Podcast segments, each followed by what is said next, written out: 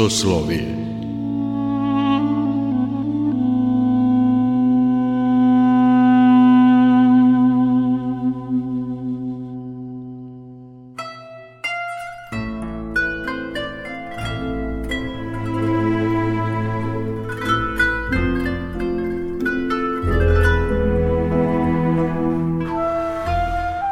Slušate Soslovije, religijski nedeljnik Radio Novog Sada.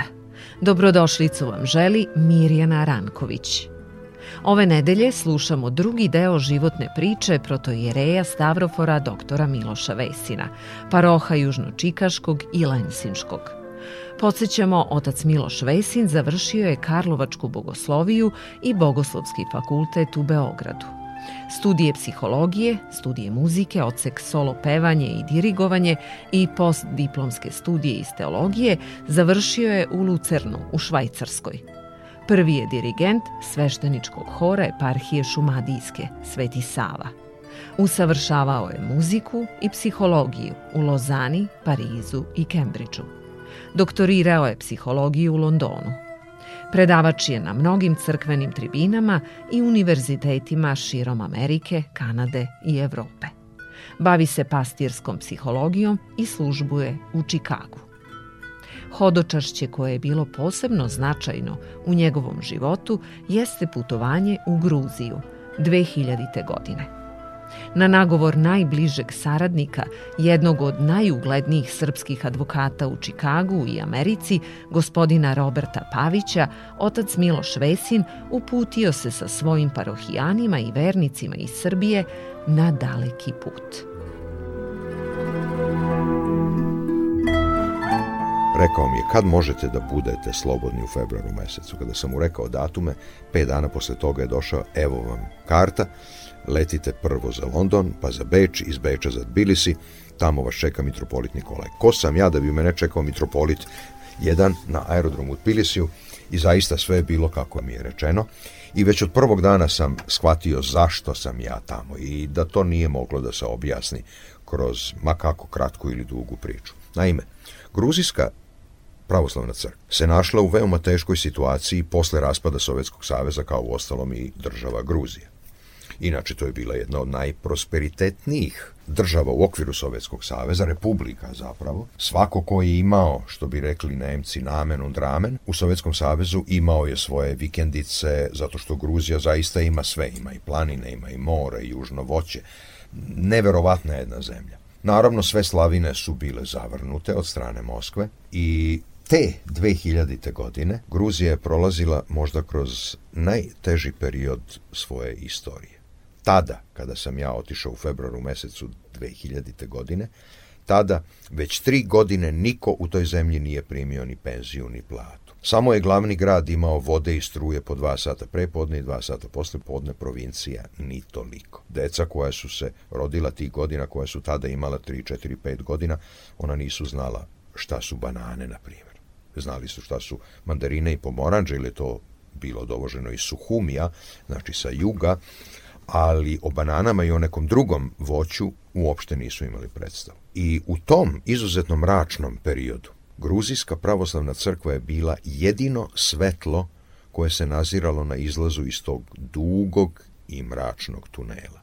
I oni su znali da obeležavanje 2000 godišnjice hrišćanstva ne sme da ostane na nivou jedne proslave u toku jednog dana, jednog vikenda, izdavanju naučnog zbornika, monografije, bilo čega, nego da to mora da bude nešto originalno čime će oni bukvalno da dotaknu svaku dušu, i verujuću i neverujuću. I došli su do jednog genijalnog plana, do jedne genijalne ideje koja se izrodila u jedan neverovatan plan. Naime, da proslava bude obeležena u vidu šestomesečnog, pazite, šestomesečnog hodočašća kroz celu zemlju, da cela zemlja bude na hodočašću. Kako? Pokrenuli su jednu grupu od 100 ljudi koju je predvodio jedan episkop i nekoliko sveštenika. U toj grupi od 100 ljudi koja je bila nukleus su bili ljudi svih struktura, lekari, profesori, umetnici, inženjeri, elektronci, radnici. I oni su pešice išli od mesta do mesta. Kada bi došli u neko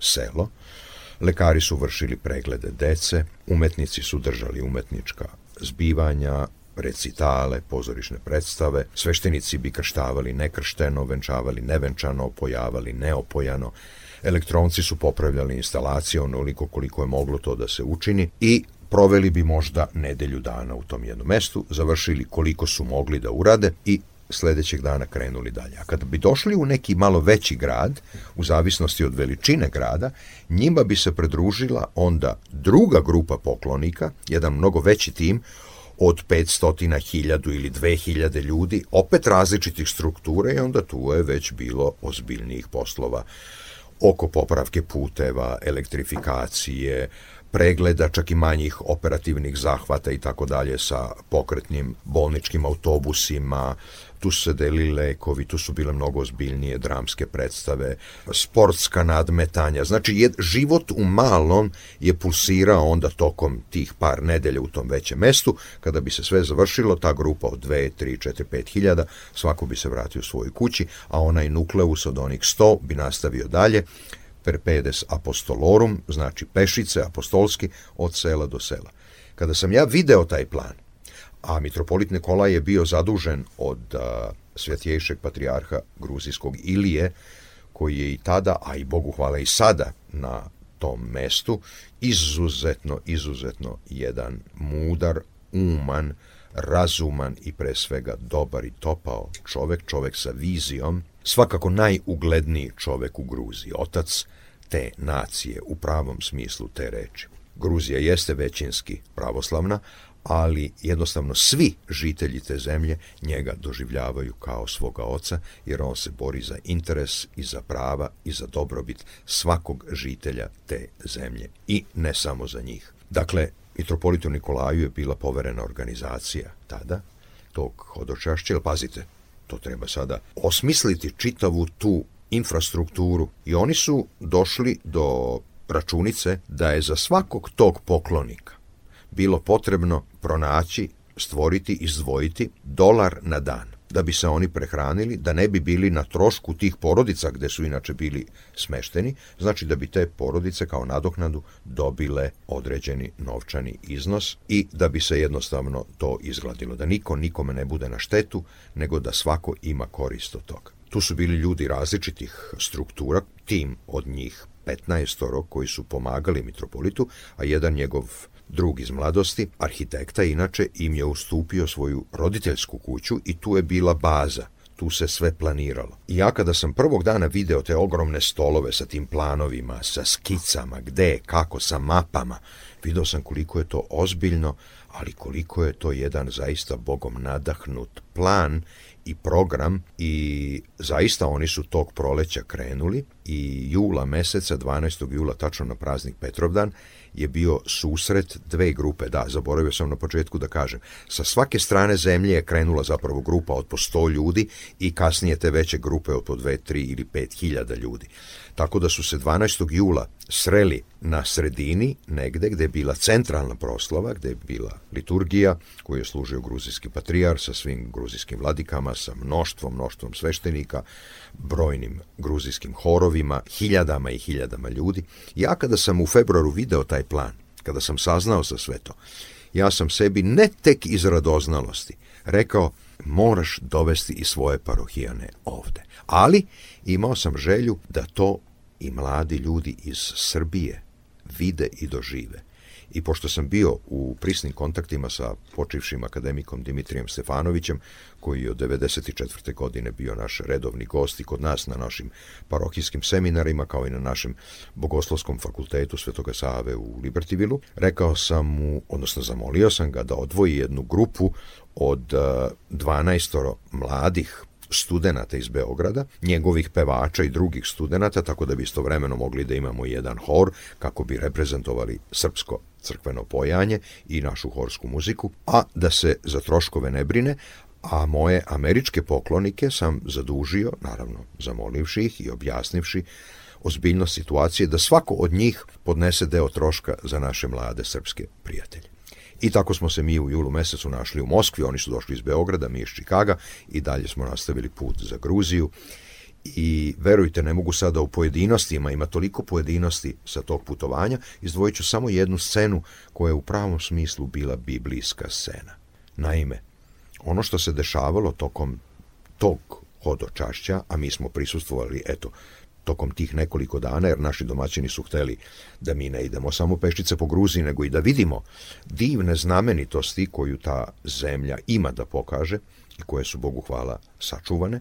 Dakle, u jednom selu gruzijskom se okupilo jednoga dana blizu 6000 ljudi iz mnogih okolnih sela. Zašto? Zato što je tog dana mitropolit Nikolaj sa dvadesetak sveštenika vršio jedno od mnogih masovnih krštenja i tog dana je kršteno negde oko 600 ljudi. U jednom malom jezeru mitropolit je ceo taj dan proveo u sredini tog jezera, krštavajući bebe koje su se par meseci pre tog dana rodile, do 80-godišnjih staraca koji su iz kozna kojih razloga ostali nekršteni do svoje starosti. Verujte, to je u pravom smislu bila biblijska scena kada je mitropolit, vodeći računa i o nama kao gostima, na temperaturi od plus 43, video da smo skoro pali u nesvest na onoj julskoj vrućini u Gruziji, rekao, e, gosti sada neka odu malo da se odmore, a onda ćemo se uveče videti ispred škole. A tada je ispred škole, osnovne škole tog sela, bio jedan od naj verujte, ne znam kako to da opišem, najdostojanstvenijih, najveličanstvenijih skupova kome sam ikad prisustvovao. Ovo krštavanje masovno tokom dana je bila veličanstvenost jedne vrste, ali uveče, uveče se tu dešavalo šta? Đaci koji su tog leta završili osmi razred osnovne škole dobijali su diplome. Taj nivo kako je to u tom gruzijskom selu bilo organizovan, uz prisustvo skoro celog ansambla Gruzijskog državnog teatra iz Bilisija, uz prisustvo mnogih eminentnih gruzijskih muzičara koji su posle toga održali koncert, posle predstave na temu života svete Nine, prosvetiteljke Gruzije. Ja gruzijski ne govorim, ja znam par reči, mogu nešto malo, malo da razumem, ali ne smem da kažem da govorim gruzijski, jer sam nekoliko puta bivao, čak i duže boravio u toj zemlji, ali sama lepota i prosto magična privlačnost tog jezika me je držala prikovanog tokom čitavog tog dramskog programa da sam uživao ne razumevajući ni jednu jedinu reč. Uživao gledajući oko sebe ljude koji su upijali lepotu svoje istorije, koja nije samo istorija, nego ono što i njih nadahnjuje da, da ostanu i da budu ono što jesu a posebna mi je bila čast pre te dramske predstave i pre koncerta kada je bilo uručivanje diploma, mitropolit Nikola je rekao, a sada će diplome našim đacima da uruče naši gosti iz Srbije i iz Amerike, profesor Dimitrije Stefanović i otac Miloš Vesin iz Čikaga. To je bila zaista jedna od najvećih časti koja mi je ukazana, ali videti lica te dece, njihovih učitelja, nastavnika, pazite, To je bio završetak osmog razreda osnovne škole. Na otvorenom, pazite, zemlja nema struje. Mitropolit Nikolaj se sam postarao da preko svojih prijatelja donese sve ono što je potrebno, agregate, reflektore, sve ostalo i ispred velikog, velikog zida te osnovne škole je bila jedna bina, to je bio jedan takav nivo, jedan više nego akademski način Da ne govorim naravno o nedostižnom nivou onoga što su pokazali prvaci drame pozorišta u Tbilisiju i naravno deo simfonijskog orkestra iz Tbilisija koji je održao koncert. Znači, to je bilo i ostalo jedno od nezaboravnih putovanja.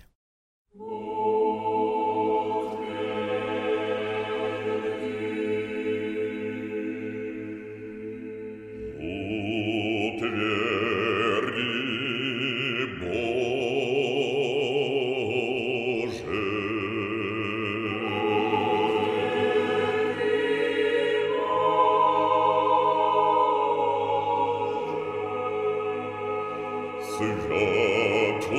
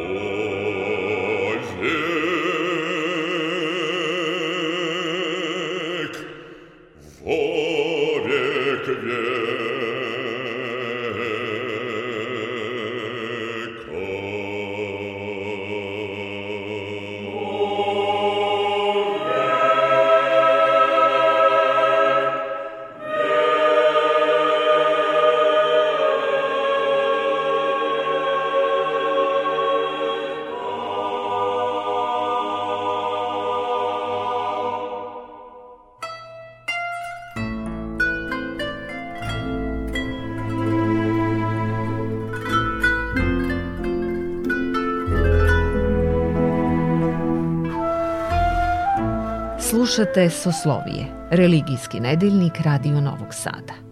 Pratite drugi deo razgovora sa protojerejom Stavroforom doktorom Milošem Vesinom, parohom južnočikaškim i lensinškim. Pomenu ste decu. Možda i to, eto, nije slučajnost, e, da završimo ovaj razgovor za Radio Novi Sad baš pričom o deci, pošto na mladima svet ostaje. Šta biste rekli roditeljima danas? Šta je najvažnije? Kako decu vaspitati za vremena koje dolaze i šta je u stvari najvažnije što mi kao roditelji treba da damo? Najvažnije je ono čega danas najmanje ima, a to je prava, neuslovljena, ničim uslovljena ljubav, razumevanje i strpljenje. Mnogi poremećaji koje čovek doživljava tokom odraslog doba, odraslog ali nikad dovoljno zrelog, potiču zapravo iz detinstva, a ja bih rekao i iz onog prenatalnog perioda koji je izuzetno važan. Vaspitavanje bi zapravo trebalo da počne od onog momenta kada budući otac i majka saznaju da je žena trudna. Jer danas najmlađa grana medicine i isto tako i psihologije, prenatalna medicina i prenatalna psihologija dokazuju da zapravo kvalitet života i mnogi postupci i dešavanja u životu zavise zapravo od kvaliteta začeća. Nije isto da li je neko začet kao dete koje je željeno u punom poverenju u harmoniji tela, duše i duha tih roditelja, ili se to, kako mi to često čujemo ovde, desilo, ili pak, ne daj Bože, je to bio rezultat neke prinude, u braku ili van braka. Znači, danas kada se toliko govori o tome da je važno šta trudnica jede, šta pije, kako bi trebalo da je fizički aktivna i tako dalje, mnogo više treba voditi računa o tome kakve misli ona ima kakvim se razgovorima okružuje, da li su oko nje ogovaranja, ispletke, grdnje, psovke, sve ono što je negativno, ali sve se to odražava i na plod u njenoj utrobi, na živo, a nerođeno dete. Ili je pak ona okružena dobrim, plemenitim, lepim, pozitivnim razgovorima, lepo i pozitivnoj muzici koja deluje oplemenjujuće, jer ova savremena muzika, gde vrlo često nema M od muzike, nego je uglavnom prisutan samo R, to jest ritam, izaziva, verujte, stresnu situaciju već u tom prenatalnom periodu. I onda nije ni čudo kada pogledate, recimo danas, decu u prvom i drugom razredu osnovne škole, koliko mnogo dece tapka prstima i ruku i nogu, zato što jednostavno ne umeju da budu mirni i smireni. Znači, najvažnije je pre svega ljubav. Ljubav koju će to dete osetiti znajući da je rođeno kao željeno dete. Dete koje nije željeno, ma kakva vrsta nežnosti posle da mu se ukazuje, to osjeća i to doživljava kao traumu koja će ga pratiti tokom čitavog života. Pomenuh zatim razumevanje. Roditelji treba da imaju mnogo više razumevanja za decu nego što bi trebalo da očekuju da deca imaju razumevanje za njih. Obično se kaže treba se spustiti na nivo deteta. Ne, treba se podići na nivo deteta. Kamo sreće kada bismo svi umeli da zadržimo to malo deteta u sebi. I zato sam i počeo na početku ovog našeg razgovora upravo rečima kada ste me pitali ko sam, rekavši da sam neko ko pokušava da zadrži taj delić deteta u sebi.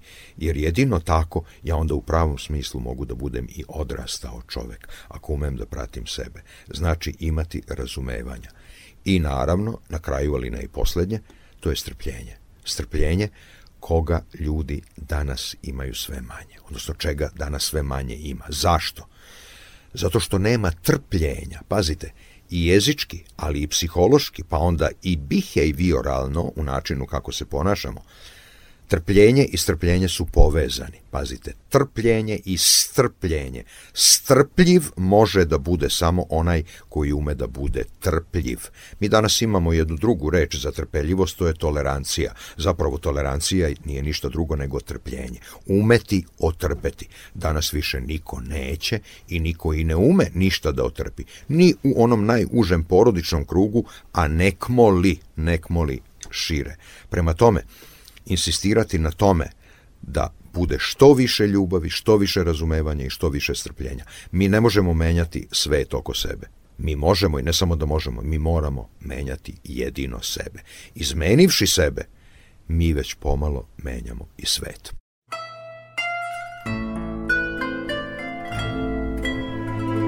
Kratak boravak protoireja Stavrofora Miloša Vesina u Novom Sadu iskoristili smo ne samo da razgovaramo o njegovom životu, već i da saznamo kako Srbi žive u Americi. U kojoj meri je crkva stožer okupljanja i u kojoj meri je crkva angažovana u organizaciji naših ljudi u Americi, u Čikagu konkretno? S obzirom da Srpska pravoslavna crkva u jednom organizovanom smislu postoji već preko 100 godina na prostorima Severne Amerike, a evo danas i na prostorima Srednje i Južne Amerike, mogu slobodno da kažem da je crkva vazda bila i ostala stožer i kamen temeljac svih dešavanja, ne samo verskih, nego i kulturnih i inih, kada je u pitanju srpski narod u Americi. Naravno, kada se govori o našem svetu u Americi, to ne može da se uzme kao jedan izdvojen paket i da kažete Srbi u Americi. Ne, mora se praviti jasna razlika između onih koji su došli krajem 19. veka, početkom 20. veka, neposredno pre drugi svetski rat, posebno pripadnici političke emigracije posle drugog svetskog rata, oni koji su mahom iz logora, pa onda iz izbegličih logora iz Italije i Engleske, došli u Ameriku krajem 40. početkom 50. godina i onda naravno pripadnici takozvane ekonomske migracije 70. godina kada je Jugoslavija otvorila granice i najnoviji talas a, onih koji su došli 90. godina usled nebivalih a, zala i nesreća na prostorima bivše Jugoslavije koji su pogodili sve, ali usuđujem se reći najviše srpski narod. Tako da imate nekoliko slojeva dolaženja u Ameriku, kako masovnih, tako i pojedinačnih. Sada više nema velikih grupnih, da kažem, masovnih dolazaka, pojedinačnih dolazaka svakako da ima, u zavisnosti od toga ko se čime bavi i koja je američka firma za koji određeni profil zainteresovana. Ali, u svakom slučaju, u svim tim vremenima, znači od početka 20. veka, evo mi smo prošle 2021. godine obeležili stogodišnjicu postojanja prve srpske pravoslavne eparhije na tlu Amerike, koja je bila poznata pod imenom Eparhija Amerikansko-Kanadska, znači obuhvatala je celu Ameriku i Kanadu. Da li najmlađi sunarodnici zaboravljaju svoj jezik, veru, kulturu? Kakav je vaš utisak? Najmlađi naši sunarodnici ne zaboravljaju svoj jezik, jer čovjek da bi nešto zaboravio, on to prethodno mora da zna. Oni ga, nažalost, nikada nisu ni naučili. Govorimo o onima koji su sada četvrta ili peta generacija američki rođenih Srba, američkih Srba, Srboamerikanaca, srpskih potomaka, Amerikanaca srpskog porekla, kako god, jer morate uzeti u obzir da već od davnih godina iz perioda i pre drugog svetskog rata vi imate nemali broj mešovitih brakova. Pogotovo u drugoj polovini 20. veka, evo ja sam 32 godine u Južnom Čikagu i verujte, tokom svih proteklih godina, svake godine, većina venčanja u našoj crkvi Svetog Arhangela Mihajla su bili takozvani mešoviti brakovi, znači jedna strana je bila srpske pravoslavne vere, srpske nacije i pravoslavne vere ili pak potomak Srba, a druga strana je bila nemačko, irsko, engleskog, bilo švedskog, bilo kog porekla, rimokatoličke, protestantske, metodističke, luteranske veroispovesti i tako dalje. Naravno, bilo je i dešava se da ima i onih koji prilaze pravoslavnoj crkvi ne zbog razloga udaje ili ženitbe, nego jednostavno zato što ih privlači pravoslavna crkva kao mesto koje zaista čuva neokaljani lik Hristov, mesto u kome vide zaista crkvu iz apostolskih vremena. Kakvi su odnosi sa maticom u smislu saradnje sa ovdašnjim institucijama? Ako hoćete da pričam lepe priče i bajke, mogu da kažem da su odnosi sjajni i tako dalje. Ako hoćete da budem realan, onda ću iskazati gorku istinu da se matica najčešće ponaša maćehinski. Jer, pazite, mi ne tražimo mnogo od matice, ali tražimo ono što ima vrednosti. Kada se govori o nekoj, uslovno rečeno, kulturnoj saradnji, mi obično imamo šta? Imamo dno dna subkulture koja se i ovde na jedan prekomerno nedozvoljen način neguje, jer sve ono što je postalo deo pinkovizovane kulture, da je tako slobodno nazovem, sve to dobija još veći odjek na onim prostorima tamo i ljudi su onda ubeđeni da slušajući ono što nema nikakve veze ni sa muzikom, ni sa narodom, još manje sa srpskim, znači bilo kakve razularene melodije nekog etnofolka, turbofolka, nazovite to kako hoćete, ljudi misle da oni zapravo čuvaju i neguju kulturu. Ja, ako išta mogu da kažem da je bilo dobro sa te strane za proteklih 32 godine u parohiji koja je meni poverena, jeste to da mogu sa ponosom da kažem, redko koristim reč ponos, ali to je da kod nas za 32 godine ni jedan takav uslovno rečeno pevač, ni jedna takva uslovno rečena pevačica nije gostovala i neće gostovati. Ali dolazio je Ljuba Tadić, dolazila je Ružica Sokić sa svojim monodramama, dolazili su braća Teofilovići, dolazio je profesor akademik Dimitrije Stefanović, akademik Sreten Petković, dolazili su naši istoričari, istoričari umetnosti, dolazili su znameniti horovi i iz Srbije, i iz Rusije, i iz Gruzije. Naravno, kada vam dođe neka po znacima navoda veličina, oni koji su danas veličina, tu je lako okupiti 2, 3, 4 hiljade ljudi, bez obzira da li će to biti Srbi, bivši Jugosloveni, nazovite i kako hoćete. Za dolazak jednog Ljube Tadića, jedne Ružice Sokić, braće Teofilović, bilo kog renomiranog našeg hora, sa nečim ozbiljnim, sa nečim što iza sebe ima substancu, vi morate ljude jednostavno za ruku da vučete, svakoga pojedinačno telefonom da pozivate, da molite, da ulaz bude besplatan i još da ponudite da tu bude i večera i tako dalje, ali ljudi videvši to osete i kažu ovo zaista nešto vredi, ovo je zaista lepo. E vidite, lepoti se čovek uči i u lepoti se čovek vaspitava i podiže od najranijih dana.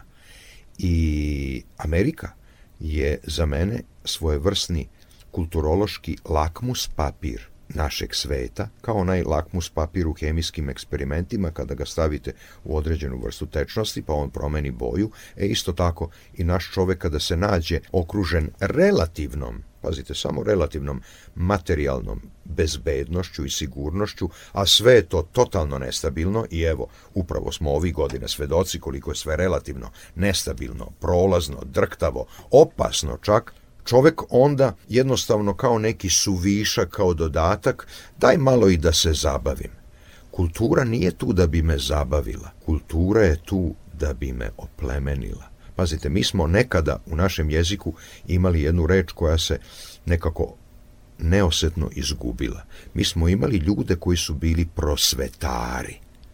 To su bili prosvetitelji. Naši znameniti učitelji, narodne vođe, naši čuveni besednici, recitatori, da ne govorimo o ostalim umetnicima. Pazite, tu se negovao duh onoga što mi u sebi posjedujemo kao srpski narod, nasledivši sve ono što je dobro, lepo, plemenito iz baštine svetske kulture, istovremeno podarivši toj svetskoj kulturi. Jer ja mogu sada da vam kažem, kroz odjek na koji, koji je naišao u našim američkim prijateljima, koje mi pozivamo na sva takva zaista kulturna dešavanja, oni kažu pa ovo je predivno. Zašto se o tome malo više ne zna?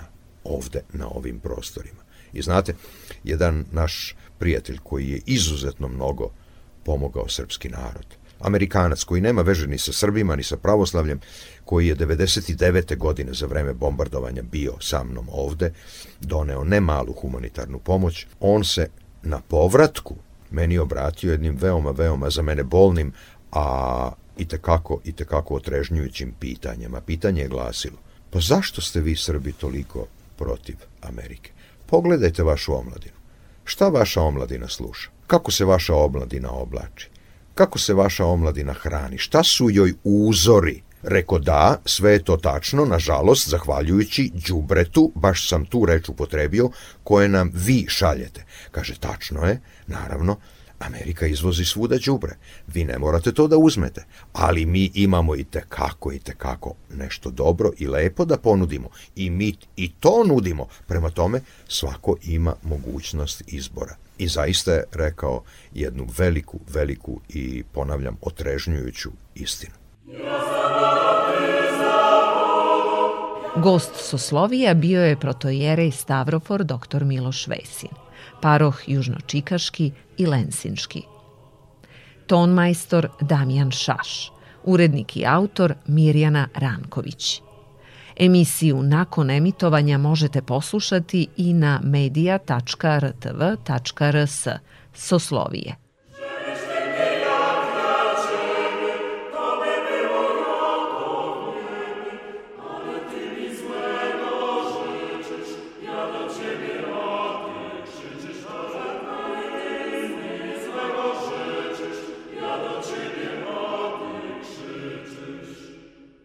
Radio Novi Sad.